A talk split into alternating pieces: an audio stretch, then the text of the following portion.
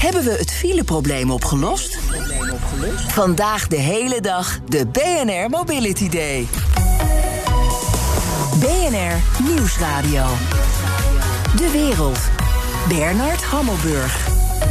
Welkom bij het beste binnenlandse programma over het buitenland. Straks, de Europese Commissie doet te weinig tegen het ontmantelen van de rechtsstaat in Polen, zegt rechter Kees Sterk. Volgens hem heeft het namelijk ook voor Nederland grote gevolgen. Ik spreek hem zo dadelijk. Maar nu eerst, de relatie tussen Turkije en de Europese Unie staat alweer onder hoogspanning.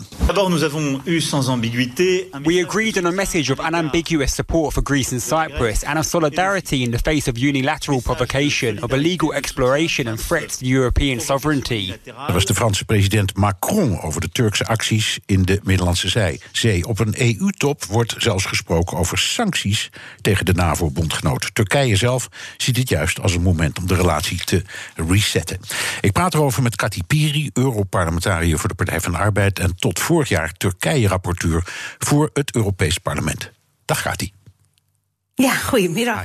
Vanwege de spanningen op de Middellandse Zee willen landen zoals Frankrijk en Cyprus sancties tegen Turkije. Sancties tegen een bondgenoot.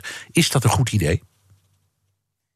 Nee, ik denk niet dat dat een goed idee is, omdat het denk ik ook niet zal bijdragen aan een oplossing voor de situatie.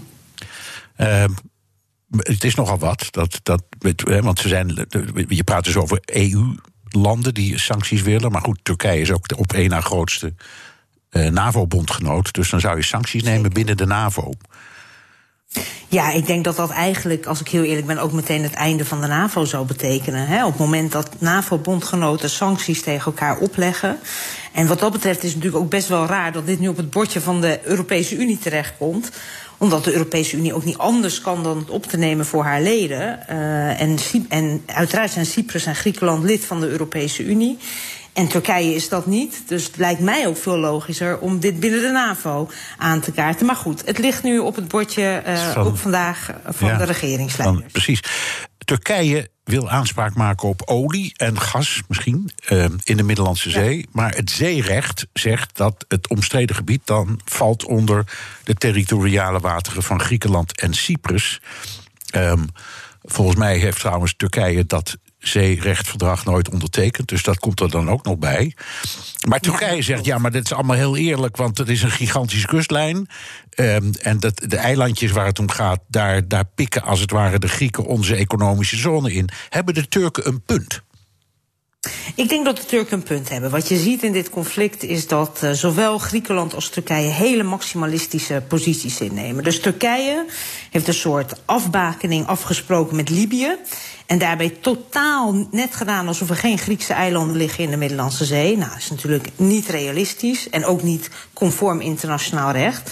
Terwijl Griekenland, uh, het conflict spitste zich toe op een klein eilandje, Castellorizo. Uh, twee kilometer van de Turkse kust. Het is een klein eiland met 10 vierkante meter.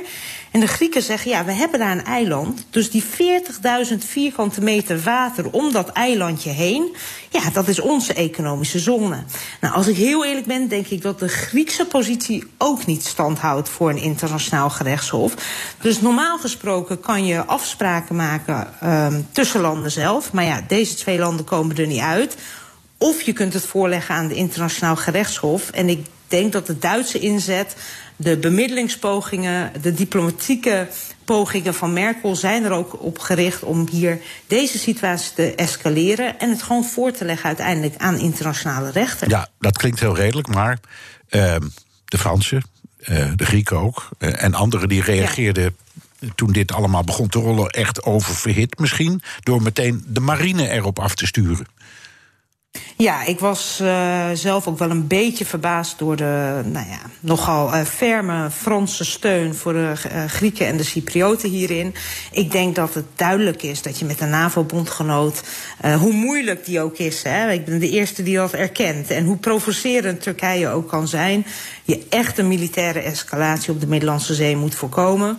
Dus wat dat betreft zag je ook dat twee grote landen, Turkije, sorry, Duitsland en Frankrijk, echt een andere uh, oplossing zien uh, voor dit conflict. En daarbij sta ik meer aan de kant van uh, toch proberen dit met behulp van diplomatie op te lossen. Ja, de Duitse manier is wat beter misschien dan de oververhitte Franse reactie, zou je kunnen zeggen. ja, ja, ja. dat past wat meer bij onze Nederlandse aard. Ja, um, nou is Turkije afhankelijk van energieimport. 60% van hun gas komt uit Rusland.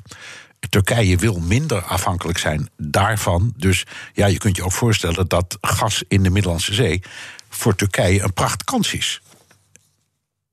Ja, ze hebben laatst natuurlijk ook, uh, heeft Erdogan groots aangekondigd, uh, gasvelden gevonden, ook nog in de Zwarte Zee. Uh, kijk, wat, wat Erdogan natuurlijk doet, is dit soort conflicten ook het provoceren, doen laten oplaaien, om het nationalisme ook aan te wakkeren in Turkije, om daarmee wat minder focus te leggen ook op uh, binnenlandse ontwikkelingen. Met name natuurlijk als het gaat om om de steeds verslechterde economische situatie. Maar normaal gesproken zou je, uh, zou je, als je een goede verstandhouding zou hebben met Turkije, energiepolitiek zou natuurlijk uitgetekend een onderwerp zijn waarop je ook veel meer zou kunnen samenwerken met zo'n land. Ja. Maar goed, helaas, we zien de ontwikkelingen de laatste, de laatste jaren natuurlijk intern in Turkije alleen maar verslechteren. Dus uh, ja, wat logisch uh, lijkt op papier, uh, dat is het helaas in de politieke realiteit niet altijd. Nee, niet dat. Ik kom straks nog even terug op die binnenlandse omstandigheden. Even iets anders dat, dat tegen, er misschien mee te maken. Maar in afval, je hebt ehm, de, de, het conflict tussen Armenië en Azerbeidzjan. Um, waarin ja. Turkije ook een enorme rol speelt. VN-veiligheidsraad roept, roept op tot een staakt het vuren. Um, er zijn ook uh, vanuit Europa uh, oproepen gekomen om het rustig aan te doen. Turkije mengt zich heel nadrukkelijk in dit conflict flikt en stelt zich aan de kant van Azerbeidzjan. Heeft de EU een rol in die ruzie? Kunnen wij daar een rol in spelen? Ik denk veel meer, als ik eerlijk ben, de OVSC, de Organisatie voor Veiligheid en Samenwerking in Europa, waar deze landen ook lid van zijn, maar ook uh, Rusland. Rusland heeft eigenlijk een, een, hele nauwe band met Armenië, maar ook een vrij nauwe band met uh, Azerbeidzjan. Dus het is logischer om te kijken naar die andere internationale organisatie in plaats van de EU. Maar wat, je hebt helemaal gelijk, wat natuurlijk opvalt, kijk, Turkije heeft zich altijd in het verleden ook wel aan de kant van Azerbeidzjan geschaard, maar niet op zo'n agressieve wijze. Niet ook dreigend met militair het steunen van Azerbeidzjan. En op dit moment is Turkije eigenlijk de enige speler die niet oproept tot de-escalatie. Nee. Uh, dus, de, de, de dus Russen, daarin zie je toch dat. Ja. De Russen bieden, bieden een, een, platform aan, letterlijk en figuurlijk, om te bemiddelen. Ik geloof dat Poetin dat vandaag heeft gezegd. Um, van kom maar langs, dan gaan we het uitpraten. Uh, de Russen hebben natuurlijk formeel staan die aan de kant van Armenië, maar die hebben in Azerbeidzjan ook hele goede contacten. Is dat een ja. goed idee? Moeten ze daar gewoon allemaal ja tegen zeggen? Uh, ik, ik, ik, hoop van wel. Ik bedoel, uiteindelijk wil je ook hier. Uh, er zijn nu al mensen omgekomen bij dit uh, conflict. Die een paar. die natuurlijk heel lang lopend uh, zogenaamd bevroren conflict was, maar die op elk moment kon, uh, uh, ja, weer kon ontploffen. En dat ja. zie je nu ook. Het is ook een dichtbevolkt gebied. Ze kunnen ook echt heel veel burgerslachtoffers bij vallen. Dus ik denk dat zowel Azerbeidzjan als Armenië er goed aan doen om toch echt proberen aan tafel te zitten. En, en wat dat betreft denk ik dat Rusland de aangewezen, het aangewezen land is, die namelijk ook op allebei de landen ook echt invloed kan ja, uitoefenen. Het, het gaat om Nagorno-Karabakh. Toch wel dat is dan een, een staatje dat voortdurend. Nou ja, is de status nooit precies van vastgesteld. Um, maar er wonen 146.000 mensen. Dat is minder dan in uh, Den Bosch, geloof ik. Het is, het is zo groot als, als Noord-Holland. Dus is het ook niet zo dat, dat we ons laten nou ja, verleiden tot meepraten over een conflict dat eigenlijk nergens over gaat? Nou ja, ik denk, ik denk kijk, qua internationaal recht uh, moet ik zeggen dat Azerbeidzjan iets meer, uh, uh, iets meer het internationaal recht aan zijn kant heeft staan over Nagorno-Karabakh dan Armenië. Maar ja, je, zegt 146.000 mensen. Ja, op het moment dat daar een gewapend conflict losbarst dat, dat is nogal een bevolking natuurlijk uh, wat daaronder uh, ja, te nee, lijden uh, heeft. Natuurlijk, dus... natuurlijk. En, die, en dat, goed, in dat staatje, dat zijn mensen met Armeense wortels. Dus ze wonen ja, wel in Azerbeidzjan, maar we zijn. Ja, en daar speelt dan natuurlijk, denk ik, ook altijd. Um, nou ja, als ik het zo mag zeggen, de haat een rol tussen uh, Turken en Armeniërs. Die al heel lang teruggaat. Ja, is dat in feite gewoon een reflectie van wat er honderd jaar geleden al is gebeurd met die, uh, met die massamoord? Genocide? Uh, ik vrees dat dat er ook in zit. Maar wat met name is, er is natuurlijk echt een. Uh, de Azerbeidzjaans is 95% gelijk aan de Turkse taal. Hè? Dus ze zien ook Azerbeidzjan ook echt als misschien wel het land wat het meest gemeen heeft, wat het meest dicht bij uh, Turkije staat. En in het nieuwe Turkije van Erdogan, zoals hij dat noemt, uh, willen zij een grootmacht zijn waar rekening mee moet worden gehouden. En dat betekent dus ook eventueel uh, op een hele agressieve manier opkomen voor je eigen broeders. Ja. En dat, zo zien zij Azerbeidzjan van Aliyev. Dit is BNR De Wereld. Mijn gast is Kati Piri, Europarlementariër voor de Partij van de Arbeid en oud-Turkije-rapporteur. By acting as an international court, defending one side's claims over the issue, the EU has become a party of the problems, unfortunately. Dat was de Turkse minister van Buitenlandse Zaken. Ik vraag me altijd af of ik het goed uitspreek, Kati. Ondanks de spanningen ik met... Ik ben ook geen Turks, hè? Nee, dus, dat weet maar ik. ik denk Cavazoglu. Maar je, hebt, ja, maar, maar, je bent wel zoveel jaren Turkije-rapporteur geweest. Dus, klopt. Ja. Ja. Uh, ondanks de spanning met Turkije bevestigt Nederland deze week... de handel met Turkije fors uit te breiden. Hoe zit het nou met de relatie uh, in, met, met die relatie met Turkije? Hoe zit die nou echt? Uh, Kati Erdogan reageerde heel fel in dat Middellandse zeeconflict waar we het net over hadden. In het verleden gebruikte hij buitenlandse conflicten om problemen in het binnenland te verbloemen. Daar refereerde je al even aan. Speelt dat ja. nu ook weer mee? Dat speelt uh, zeker een rol. Uh, kijk, wat je ziet is dat, uh, ondanks dat die man natuurlijk echt zo'n beetje alle onafhankelijke media de mond heeft gesnoerd, oppositie grotendeels gevangen heeft gezet, de rechtsstaat inmiddels echt wel in politieke handen is en niet meer onafhankelijk is, zie je toch dat zijn populariteit, nou ja, er niet mee omhoog is gegaan. De laatste lokale verkiezingen zijn de grote steden ook in de handen van de oppositie gekomen. En hij weet gewoon wanneer hij het Turks nationalisme aanwakkert, wanneer hij nou ja, dit soort uh, buitenlandse avonturen start, dat dat ervoor zorgt dat het land, uh, zie je helaas ook in andere landen, He, wat, wat ze op zijn Engels zeggen, rally around the flag. Uh, je zorgt ervoor op het moment dat jouw militairen de grens overgaan... dat je met z'n allen achter je regering, achter je leider gaat staan. Ja. Dus het helpt hem, dit soort conflicten, om, uh, nou ja, om de oppositie ook een beetje stil te krijgen. Ja, dat begrijp ik. Dus het, het verenigt een volk als je een gezamenlijke vijand kunt aanwijzen. Uh, heeft het ook te maken met uh, de enorme gevolgen van de coronacrisis? Want als je kijkt naar... Uh, hoe het ervoor staat in Turkije. 20 miljoen Turken die in armoede leven, dat is een verdubbeling. Um, nou ja, en dat, dat zijn nou juist de mensen die Erdogan had beloofd uit de armoede te halen. Dus heeft dat er ook mee te maken? Ja, en ik denk dat je dat inderdaad al langere tijd ziet. Dus zelfs al voor de coronacrisis. Ik denk dat ook in de grote steden veel mensen die werkloos zijn geworden.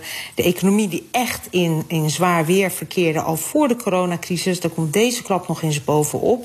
En voor het eerst zag je dus ook dat mensen die eigenlijk misschien een hele politieke bestaan op, uh, op de AKP van Erdogan hadden gestemd. voor het eerst hun keus op een uh, andere partij lieten vallen.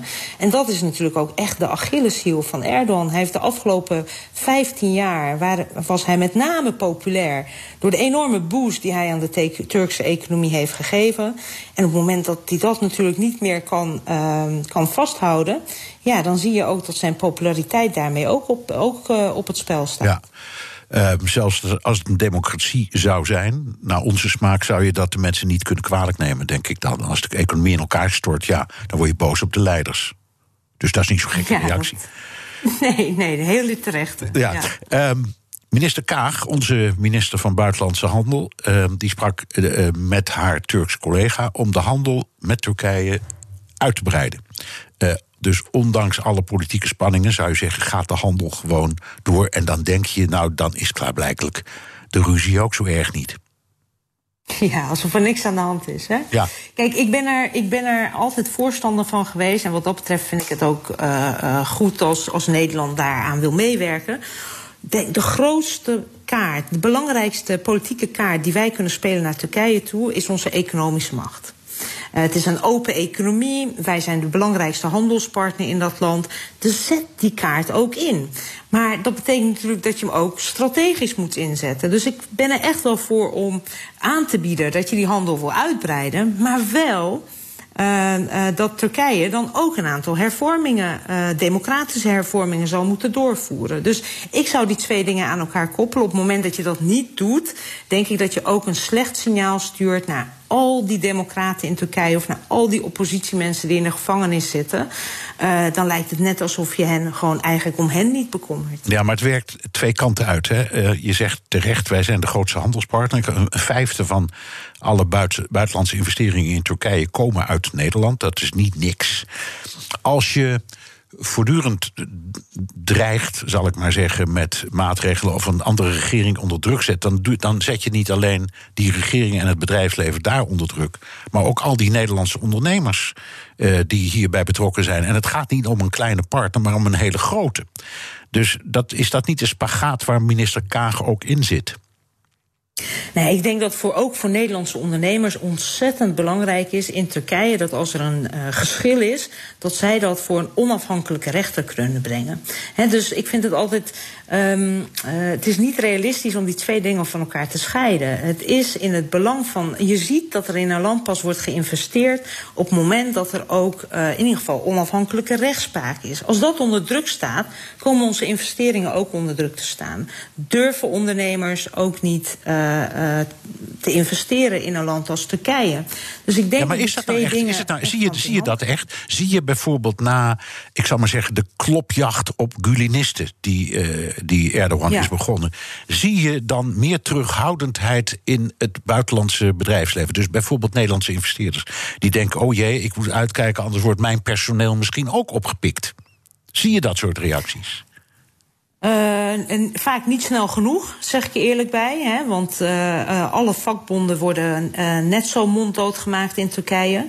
En toch zie je dat Nederlandse investeerders daar over het algemeen toch nou ja, weinig tegen in, in, in protest komen. Maar als je kijkt naar de cijfers, en dan weet ik het niet specifiek voor Nederland, maar voor Europese investeringen, zie je wel dat daar de afgelopen jaren minder is geïnvesteerd vanuit de EU in Turkije. En dat kan je niet anders uitleggen, tenminste dat is mijn aanname, dat men het toch risicovoller vindt. Ja om, uh, om te investeren. En ja. dat heeft natuurlijk alles te maken met het ineenstorten van die rechtsstaat in Turkije. Ja. Nou, daarom stelde ik de vraag ook zo. Gesteld dat ik daar een groot bedrijf heb en er werken Turken. dan wil ik niet meemaken dat plotseling de helft van mijn personeel daar weg wordt gehaald. omdat ze worden verdacht van, nou ja, noem maar wat. Gulenist zijn of staatsgevaarlijk of zo. Dat, dat risico wil je niet meer als, als ondernemer. Lijkt mij. Nee, precies. En je, en je wilt ook natuurlijk een gelijk speelveld hebben. En op het moment dat uh, Erdogans schoonzoon een, een concurrerend bedrijf uh, zou ondersteunen, hè, uh, wil je ook dat een rechter daar gewoon een eerlijke uitspraak over doet. Ja. En, en daar is men gewoon op dit moment, kan je daar niet meer zeker van zijn in het huidige ja, Turkije. Nou, ook weer even twee andere belangrijke onderwerpen ten slotte, die de andere kant een beetje laten zien. Turkije is, is en blijft ook een hele belangrijke bondgenoot. We begonnen het gesprek met de rol van de NAVO, die misschien in deze kwestie ja. speelt. Het is, het is het op één na grootste NAVO-lid, enorm belangrijk uh, woordvoerder van Erdogan, zei deze week: Europa's veiligheid begint in Turkije. Dat is toch waar? Daar zal ik iets langer over moeten nadenken. Ja. Ik, ik het, was, het is niet mijn eerste gevoel. Nee, nee, het was overigens vroeger ook het gevoel, ook het, de, de, een uitspraak die de Shah van Perzië altijd uh, hanteerde. Oké. Okay. Die zei altijd: okay, kijk, okay. de veiligheid van het Westen begint bij mij. Dus, dus uh, ja. Maar goed, er, er, zit toch iets in. Want ja, zij bewaken onze oostgrens. Dat is een feit. Nou ja, dat, dat, dat, hebben we natuurlijk gemerkt in 2015. Hè. Op het moment dat, uh, uh, dat die burgeroorlog losbarstte in Syrië in 2011... kwamen natuurlijk steeds meer. Het begon natuurlijk met een aantal tienduizenden. Inmiddels zitten we op 4 miljoen Syriërs die in Turkije zitten. En we zagen in 2015 wat dat voor consequenties ook voor ons kan hebben.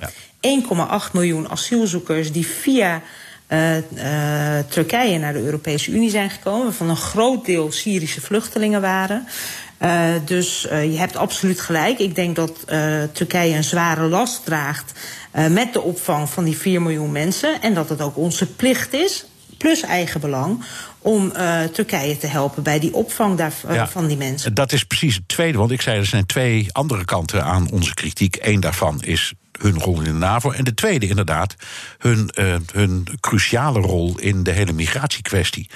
Uh, wij hebben, ik zou maar zeggen, als Europeanen de, de Turkije-deal bedacht, of uitgewerkt, of voorgelegd. Uh, ja.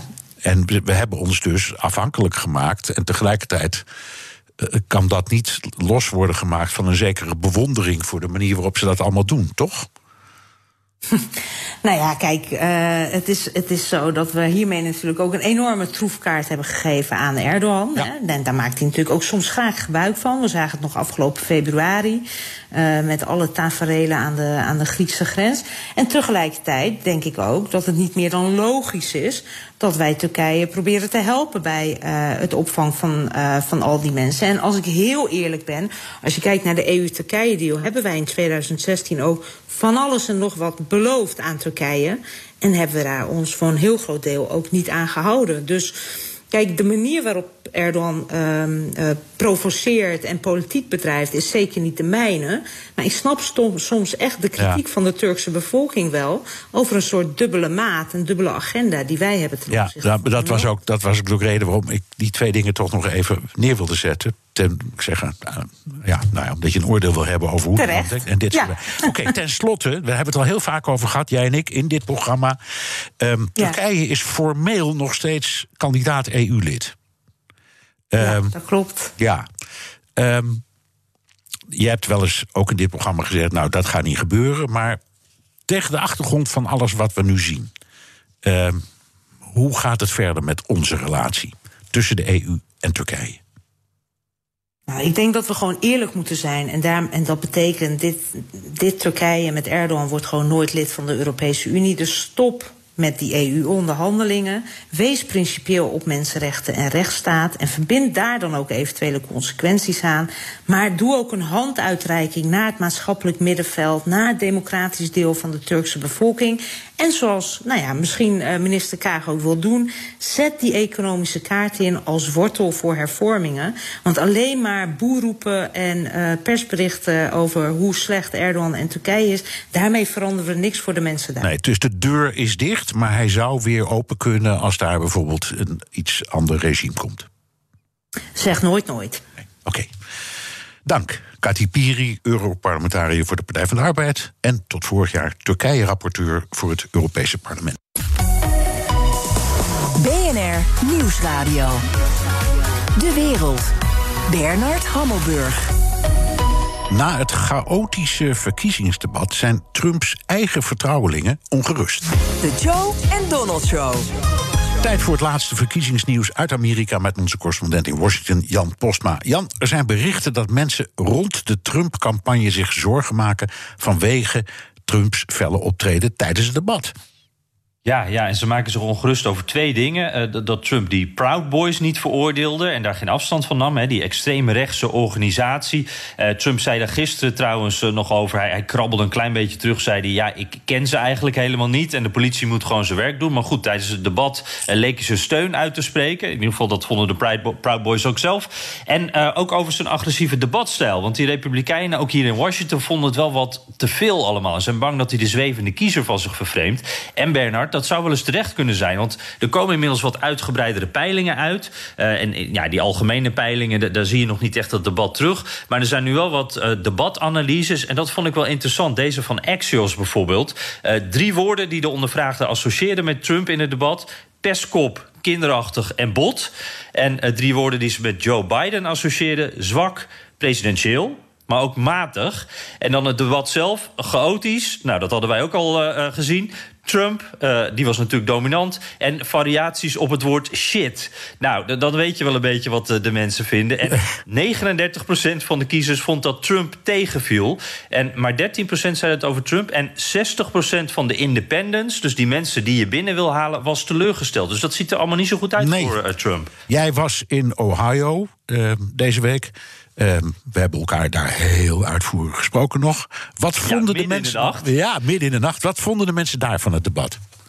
Ja, ja nou, ik heb daar vooral veel conservatieve Amerikanen gesproken. Dus echt Trumps achterban. En die waren ook wel afkeurend en, en teleurgesteld over de, het debat en hoe dat verliep. Maar die waren juist enthousiast over Trump. Dat vond ik toch wel weer uh, interessant om te horen. Ik sprak een man die zei: Ja, Trump had wel wat agressiever mogen zijn. En ik vroeg hem: Ja, hoe dan? Hoe kan je nog agressiever zijn? Hij zei: Meer aanvallen, meer Biden aanpakken. En uh, hier waren ze juist wel wat bozig op Biden, omdat hij Trump een clown had genoemd. En ja, hij is wel de president. Maar ja, Bernard, we, hebben het ook al daar s'nachts in Ohio over gehad. Zo'n 90% van de kiezers heeft zijn keuze al gemaakt. Die Trump-achterban ook. En dat zijn natuurlijk mensen die Trump ook al binnen had gehaald. Ja. Oké, en je hebt ongetwijfeld ook met democraten uh, gesproken. Heb je die kunnen vinden trouwens in Ohio? ja, ja in, de steden zijn ze dan nog wel te vinden. Maar op dat platteland inderdaad het ene Trump-bordje naar het andere. Uh, en die democraten die waren echt wel gechoqueerd hoor. Hoe, hoe kan dit? Ook gefrustreerd uh, hoe dit zo was gelopen. En in die, die peiling die ik eerder noemde... werd ook gezegd dat ze echt boos zijn. Nou, dat, dat zag ik ook wel terug. En dat zou Biden dus wel weer kunnen helpen. Want dit, dit zou een moment kunnen zijn dat Bidens achterban weer even even uh, eraan denkt van wacht even, we moeten wel echt gaan stemmen, anders is dit het, het gevolg. Ja. Um, het, het, ook nog uh, nieuws uit het Trump-campagneteam, behalve dan dat ze twijfels hebben over of hij nou wel zo slim heeft aangepakt. Maar hij is definitief zijn voormalige campagneleider Brad Pascal kwijt. Wat is er gebeurd? Ja, ja, dat is wel, wel een triest verhaal, Bernard. Die, die Pascal die is opgepakt door de politie en, en ook opgenomen. Uh, hij, dreigde met een, uh, hij dreigde met een pistool in zijn huis in Florida. En zijn vrouw was bang dat ze hem ook iets aan ging doen. Nou, de politie heeft hem dus meegenomen. En, en er wordt nu gezegd dat dat door stress en, en ook trieste familieomstandigheden zou komen. De Trump-campagne geeft trouwens de Democraten en de media de schuld. Dus wij hebben het gedaan. en, en ja, we weten van Pascal, dat was natuurlijk de grote man bij de campagne. Letterlijk en Het, ja, precies. Een enorme kerel. En, en ook van grote invloed. Die zou deze zomer, uh, tot deze zomer, zou die het gewoon helemaal gaan regelen voor de campagne. Maar hij werd teruggezet na een paar teleurstellingen. Onder andere uh, dat, dat, uh, dat optreden in Tulsa van Trump, weet je nog, met dat half lege stadion. dus hij moest terug naar zijn oude positie, hoofd online. En nu is hij dus sinds gisteren officieel helemaal uit de Trump-campagne. Een van ja. de grote mannen van 2016. En nu eruit. Ja. Uh, wat je ook vindt van de Trump-campagne of de andere campagne of van deze man, dit is wel een heel triest verhaal. Dat hij, dat hij zo doorslaat en met een pistool door zijn eigen huis begint te rollen.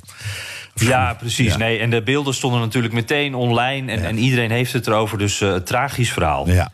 Dankjewel, Jan Postma, correspondent in Washington. Wilt u meer horen over dat fascinerende land? Luister dan naar de Amerika-podcast van Jan en mij. BNR Nieuwsradio. De wereld. Voor het eerst sinds de marathontop in juli zijn de Europese regeringsleiders weer bijeen in Brussel.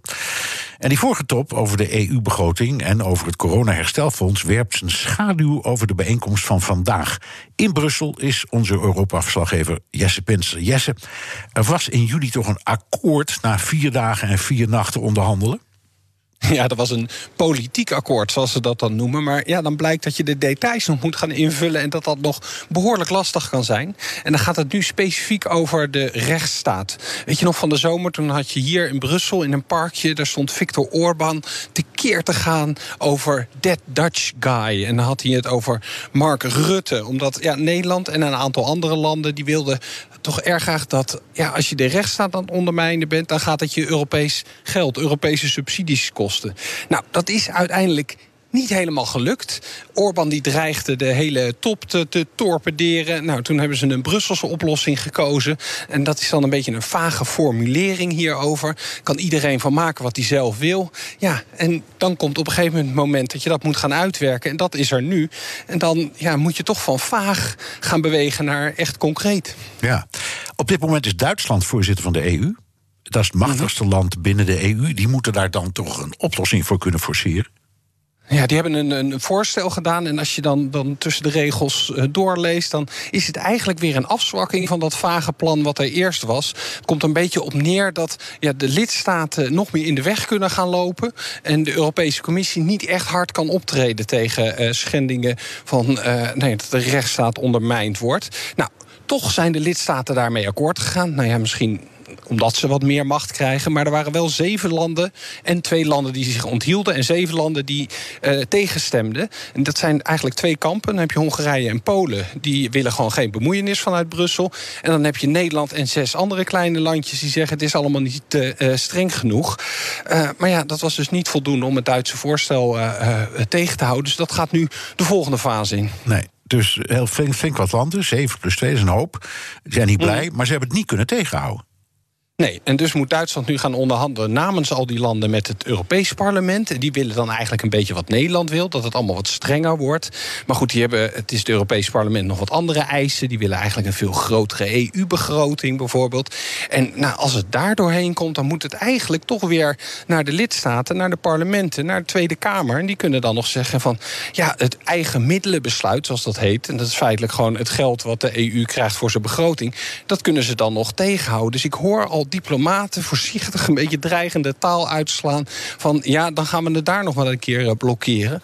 Nou was Rutte hier net, eh, de premier Rutte, toen die hier aankwam, die heb ik er ook nog eventjes naar gevraagd. En die benadrukt vooral dat alles met elkaar samenhangt. En dat is misschien ook wel het probleem van dit hele dossier. Dat het niet nou ja, aan zich behandeld wordt, maar dat alles ermee te maken heeft. Daar zie je dat aan de ene kant eh, over de Duitse voorstellen de Hongaren en de Polen zeggen die gaan te ver. Een aantal andere landen, waaronder Nederland, is bezorgd over dat voorstel. Waardeert de poging, maar zegt het moet echt strakker. Uh, het Europees Parlement zit daar natuurlijk ook heel geharnast in. En dat jagen wij toe. Dus dat moet nu verder zijn beslag krijgen. Kan ik moeilijk voorspellen hoe dat verder gaat. Maar alles hangt wel met elkaar samen hier. Meneer Rutte, vreest u net als Duitsland dat de uitbetalingen van die miljarden van het coronafonds... dat die vertraging op gaan lopen? Dat hoeft niet. Uh, we, we, moeten proberen de komende weken daar een akkoord uh, te bereiken. Maar de afspraken uit juli zijn wel een totaalpakket. Je kunt daar niet zomaar steentjes uithalen. Dus het is niet tijd om eventjes Viktor Orban apart te nemen in een gangetje... en te zeggen, nou laten we hier even toch een, een dealtje sluiten... zodat in ieder geval die broodnodige economische steun uit dat fonds ook echt terecht komt waar het terecht moet komen. Maar hoe bedoelt u Viktor Orban apart nou, nemen? Dat, dat u misschien toch eventjes moet zeggen, nou dit is misschien op dit moment midden in de coronacrisis en de economische gevolgen iets minder belangrijk. En net als Duitsland moeten we misschien iets op uh, bewegen richting Hongarije en Polen. Ja, volgens mij hangt alles met elkaar hier samen op een verstandige manier. En is er gezegd, er is en haast om te komen tot afronding van de discussie over de begroting. Is er een politiek akkoord bereikt over dat herstelfonds. Is er ook gezegd, er is ook een logische koppeling met de principes van de rechtsstatelijkheid. Uh, het Nederlandse parlement heeft inmiddels ook ja gezegd tegen dat hele pakket in politieke zin. Dat wordt nu uitgewerkt en wij hechten er wel aan natuurlijk dat die uitwerking wel heel dicht blijft bij het politieke akkoord van jullie. Maar als het allemaal samenhangt, bent u dan ook bereid om te zeggen er gaat geen Nederlands geld naar de EU... zolang er niet een hele strenge clausule is over de rechtsstaat? Alles hangt met elkaar samen. Dus we moeten nu zorgen dat we over het hele pakket... in politieke zin, maar ook in praktische zin akkoord bereiken. Ook met het Europees Parlement dus. Uh, en het Nederlandse parlement heeft op zich ja gezegd... tegen de politieke afspraken. Dat was Europa-verslaggever Jesse Pinster in gesprek met premier Mark Rutte.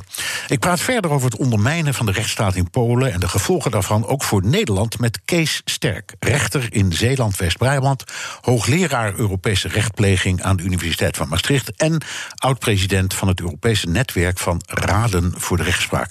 Dag meneer Sterk. Goeiedag. Ja, al jaren praten we over het afbrokkelen van de onafhankelijke rechtspraak in Polen. Voor het eerst komt de commissie nu met een rapport met de stand van zaken.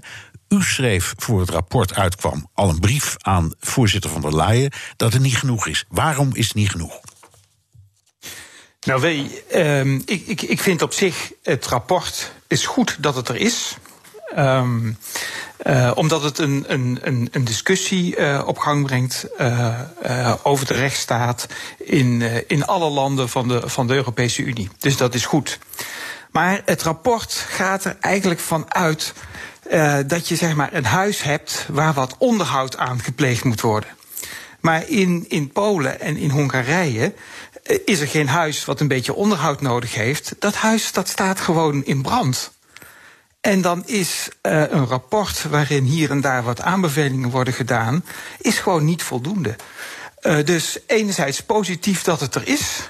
Uh, anderzijds, voor Polen en voor Hongarije is het volstrekt onvoldoende. Ja. U heeft veel contacten in Polen, u komt daar regelmatig. Hoe is de situatie daar nu? De situatie is gewoon heel slecht. Um, er worden op moment worden er op grote schaal worden rechters uh, die um, vonnissen wijzen. Uh, die de regering niet zint, die worden gewoon disciplinair en soms zelfs strafrechtelijk worden die vervolgd. Er is dus een enorme ja, intimidatiecampagne tegen, tegen rechters aan de gang. En uh, zeg maar een jaar of drie geleden betrof het zo'n beetje 20, 25 rechters. Maar inmiddels zitten we al ja, 1300, 1400 rechters die, die dit betreft. En, uh, en als je zo voorwerp wordt van zo'n, van zo'n onderzoek, dan, uh, dan gaan ze echt helemaal los. Dan wordt al je belastingaangifte worden onder vergrootglas gelegd. Er is zelfs laatst een, een huiszoeking gedaan bij, bij een rechter. Uh, ja, dit is intimidatie tot en met. En de straffen voor uh, voor rechters uh, die veroordeeld worden door een disciplinaire kamer, die dat volgens het Europese Hof niet, niet mag zijn. Die zijn heel hoog. Ja. verliezen van je ambt, maar ook verliezen bijvoorbeeld van, je, van je, de pensioenrechten die je, die je opgebouwd ja, hebt. Dus ze gaan er echt met gestrekt been in, dat is duidelijk. Ze gaan er met, niet met één gestrekt been, nee. maar met twee gestrekte benen in. Eind juli zijn de rechtbank in Amsterdam dat ze geen verdachten meer uitleveren aan Polen. Vanwege zorgen over de onafhankelijkheid van de rechtsstaat. Nou, die, die schetst u prachtig. Um, hoe kunt u nou aangeven hoe de ontwikkelingen in Polen ons raken? Nou ja, kijk, um, uh, wij, wij vragen, uh, of Polen vraagt ons om mensen uit te leveren aan Polen. Wij zeggen dat doen we niet meer, of althans Amsterdam zegt dat. Um, want in Polen is er geen onafhankelijke rechtspraak meer.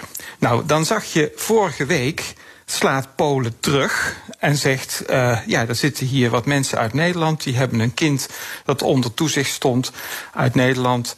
Uh, ontvoerd volgens het Nederlandse OM. En er werd dus gevraagd om, om dat uit te leveren. En uh, Polen weigert dat, want zeggen ze. Uh, minderjarigen met een autistische stoornis die lopen het risico in Nederland geëuthaniseerd te worden. Zo. Nou, dus die samenwerking op justitieel gebied, justitieel strafrechtgebied, die, ja, die, uh, die gaat er gewoon, uh, ja, die gaat gewoon stoppen. Maar wacht even, even, voor, even daar. U zegt dus dat de Polen zeggen: in zo'n geval wordt zo'n kind vermoord in Nederland. Ja, geëuthaniseerd. Dat, dat, is een van de, dat is een van de argumenten waarom ze niet willen uitleveren aan Nederland. In Nederland heb je een euthanasiewet, staat er in het vonnis. Uh, en um, en, en jeugdigen met een autistische stoornis lopen het risico, volgens de Poolse rechter in Warschau, uh, dat, um, uh, dat zo iemand in Nederland geëuthaniseerd wordt. Ja.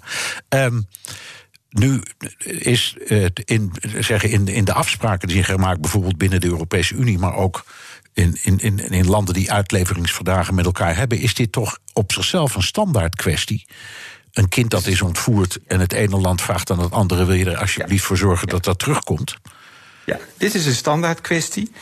Um, dus eigenlijk, eigenlijk moet dit gewoon uh, ja, appeltje-eitje zijn. Dat moet gewoon, Poolse rechter moet gewoon stempel zetten en dan komen die mensen gewoon naar Nederland terug. Maar wat je ziet is dat, uh, ja, dat die rechter in Polen onder politieke invloed staat. En, en de Poolse politiek wil een, een statement maken naar Nederland. Ja. En eigenlijk terugslaan. Uh, jullie zeggen dat wij geen onafhankelijke rechtspraak hebben. Wij zeggen dat jullie kinderen vermoorden. Nou, Zo. Dat is een beetje het niveau. Andere kwestie. Uh, een paar jaar geleden kwam aan het licht dat Poolse arbeiders op grote schaal frauderen met uitkeringen in Nederland.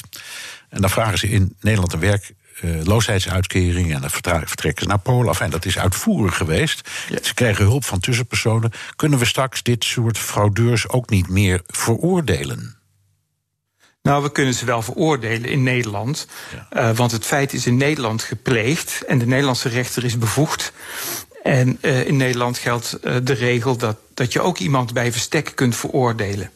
Ja. Uh, maar het probleem uh, zal waarschijnlijk worden dat uh, als, die, als die mensen naar Polen toe gaan en wij vragen vervolgens die mensen uit te leveren. Krijgen we hetzelfde, ja.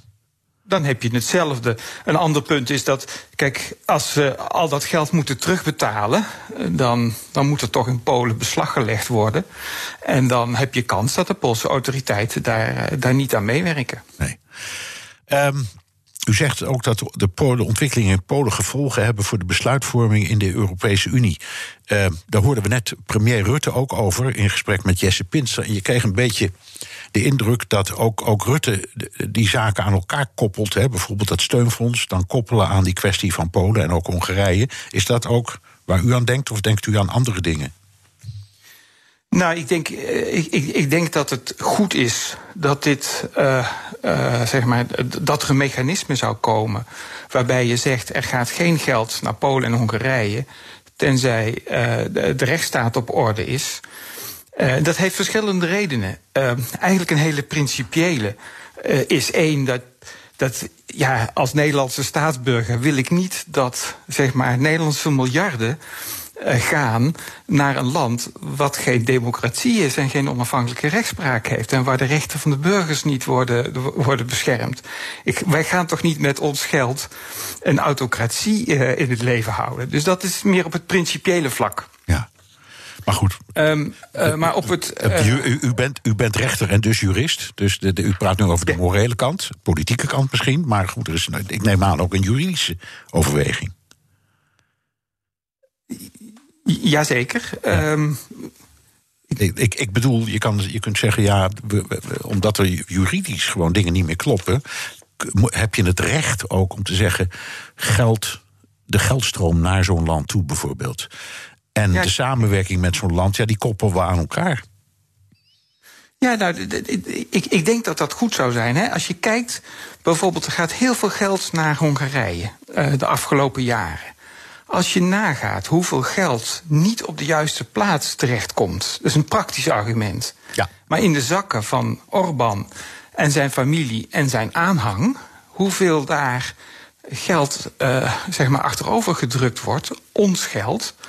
Uh, uh, en er is geen rechtelijke macht, er is geen onafhankelijk openbaar ministerie die dat daar achter, achteraan gaat. En er zijn geen onafhankelijke rechters die die mensen durven te, te veroordelen. Nee. Dus dat is ook een heel praktisch argument. Precies. Nou hebben wij in de EU zogenaamde artikel 7-procedure. Die zijn ingesteld tegen Polen en Hongarije. En dat, daar kun je, ze als, je kunt ze dus het, het, het, het hun stemrecht ontnemen, bijvoorbeeld binnen de EU. Uh, maar daar heb je unanimiteit voor nodig. En uh, die twee landen kunnen dat blokkeren. Dus wat, wat kan nou von der Leyen bijvoorbeeld doen daaraan? Kijk, artikel 7 moet je denk ik gewoon in de lucht houden. Want het geeft nog steeds gewoon druk op, uh, op die landen. We moeten helder maken dat wat ze doen, dat dat niet klopt. Nou, verder denk ik dat, dat het het middel van het geld waar we het net over hadden, dat dat een heel belangrijk middel is omdat uh, ja, de groei, de economische groei in die landen is de afgelopen tien jaar voor een heel groot deel uh, gefinancierd door geld vanuit Brussel. Wat wij als Europese Unie met z'n allen hebben opgebracht. En, uh, en als je zegt dat, dat je dat koppelt aan de, aan de rechtsstaat, um, dan denk ik dat dat een heel krachtig instrument zou zijn. U bent zelf rechter in Nederland. Een rechter hoort zich ja. toch, niet, toch niet met de politiek te bemoeien, meneer Sterk? Uh, nee, dat klopt. Uh, en dat doen we ook niet. Maar er is één uitzondering. Uh, en dat is een uitzondering die ook in, in het recht erkend wordt. Dat is namelijk dat een rechter zich niet met politiek moet bemoeien, behalve als de rechtsstaat op het spel staat. Dan, dan, heb, dan moet je je niet alleen onthouden, maar dan heb je zelfs de plicht om, om, daar, uh, om daar je stem te laten horen. Ja. En, um, en dat is wat ik doe. Ja, nou goed, dat, het, is, het is opmerkelijk. En ik zal zeggen, ik bewonder het dat u dat uh, op die manier ook doet. En ook hier in het programma dat komt vertellen. Maar tenslotte toch iets wat je ook weer tegen kunt werpen. Polen en Hongarije hebben gewoon democratisch gekozen regeringen. Um, ja. Dus wij kunnen wel van alles vinden. Maar ja, uh, een volk kiest zijn regering. En sommigen zeggen ze krijgen de regering die ze toekomt. Maar hoe dan ook, het is een democratisch proces. De, de regeringen in, in Polen zijn met een meerderheid uh, gekozen, dat klopt. Maar die regering die heeft ook, zeg maar, ingestemd in het verleden met het toetreden tot de Europese Unie. En die Europese Unie zegt dat we in de hele Europese Unie onafhankelijke rechtspraak moeten hebben. En dat is iets wat we afgesproken hebben. En dat kun je niet eenzijdig veranderen. Nee, en dat, dat, is wat ze doen. Dat is waar, maar dat is de discussie over, laat maar zeggen, de Kopenhagen-criteria... die alle EU-staten hebben onderschreven en waar we ons allemaal aan moeten onthouden. Niettemin, als een van die landen een regering kiest die dat niet doet... ja, dan zeg je dat, dat, dat een land heeft toch het recht om te kiezen wie ze willen. Het, land, het land heeft de, uh, het recht te kiezen wat ze, uh, wie ze willen, zeker... Maar als die regering zegt: wij willen ons niet houden aan de fundamentele waarden van de Europese Unie, dan moeten ze uit de Europese Unie stappen. Ja. Dat is de keuze. Dat is de vrije, soevereine keuze die een land dan heeft. Dat begrijp ik. Maar doen, dat, ze dat niet, doen ze dat niet, dan moeten ze zich aan de afspraken houden. Ja, maar we hebben geen middelen, daar hebben we het al over gehad. Dat artikel 7, u zegt dat moet je in de lucht houden. Maar voor de rest kunnen we niet zoveel. Nou ja, we hebben natuurlijk het Hof in Luxemburg. En, en, en, en daar lopen allerlei inbrookprocedures. en dat gaat allemaal langzaam. Uh, maar uh, dat biedt nog steeds wel, uh, wel potentieel. Ja. dus het, het gaat, in mijn visie gaat het te langzaam. maar er zit van alles in de pijplijn. En ik, ik denk dat het Europese Hof langs de lijnen zal oordelen die ik net zei als je lid van de Unie bent, dan moet je aan bepaalde waarden houden. En dat hoeft niet, maar dan moet je vertrekken. Ja. Uh, ten slotte nog heel kort. Uh, die opmerking die we net hoorden van uh, premier Rutte hier in de uitzending. dat ja, een soort suggestie van het koppelen van dat Europa-steunfonds aan deze kwestie. Daarvan zegt u bravo, want dreigen ja. met geld, dat helpt. Ja, zeker. Goed, dank. Ja. Kees Sterk, rechter in Zeeland, West-Brabant en hoogleraar Europese rechtspleging aan de Universiteit van Maastricht. Wil je meer horen over de Brusselse politiek? Luister dan naar de podcast Europa Mania van BNR en het FD. Tot zover BNR de Wereld. Terugluisteren kan via de site, de app, Spotify of Apple Podcast. Reageren kan via een mailtje aan bnr dewereld.bnr.nl. Dank voor het luisteren.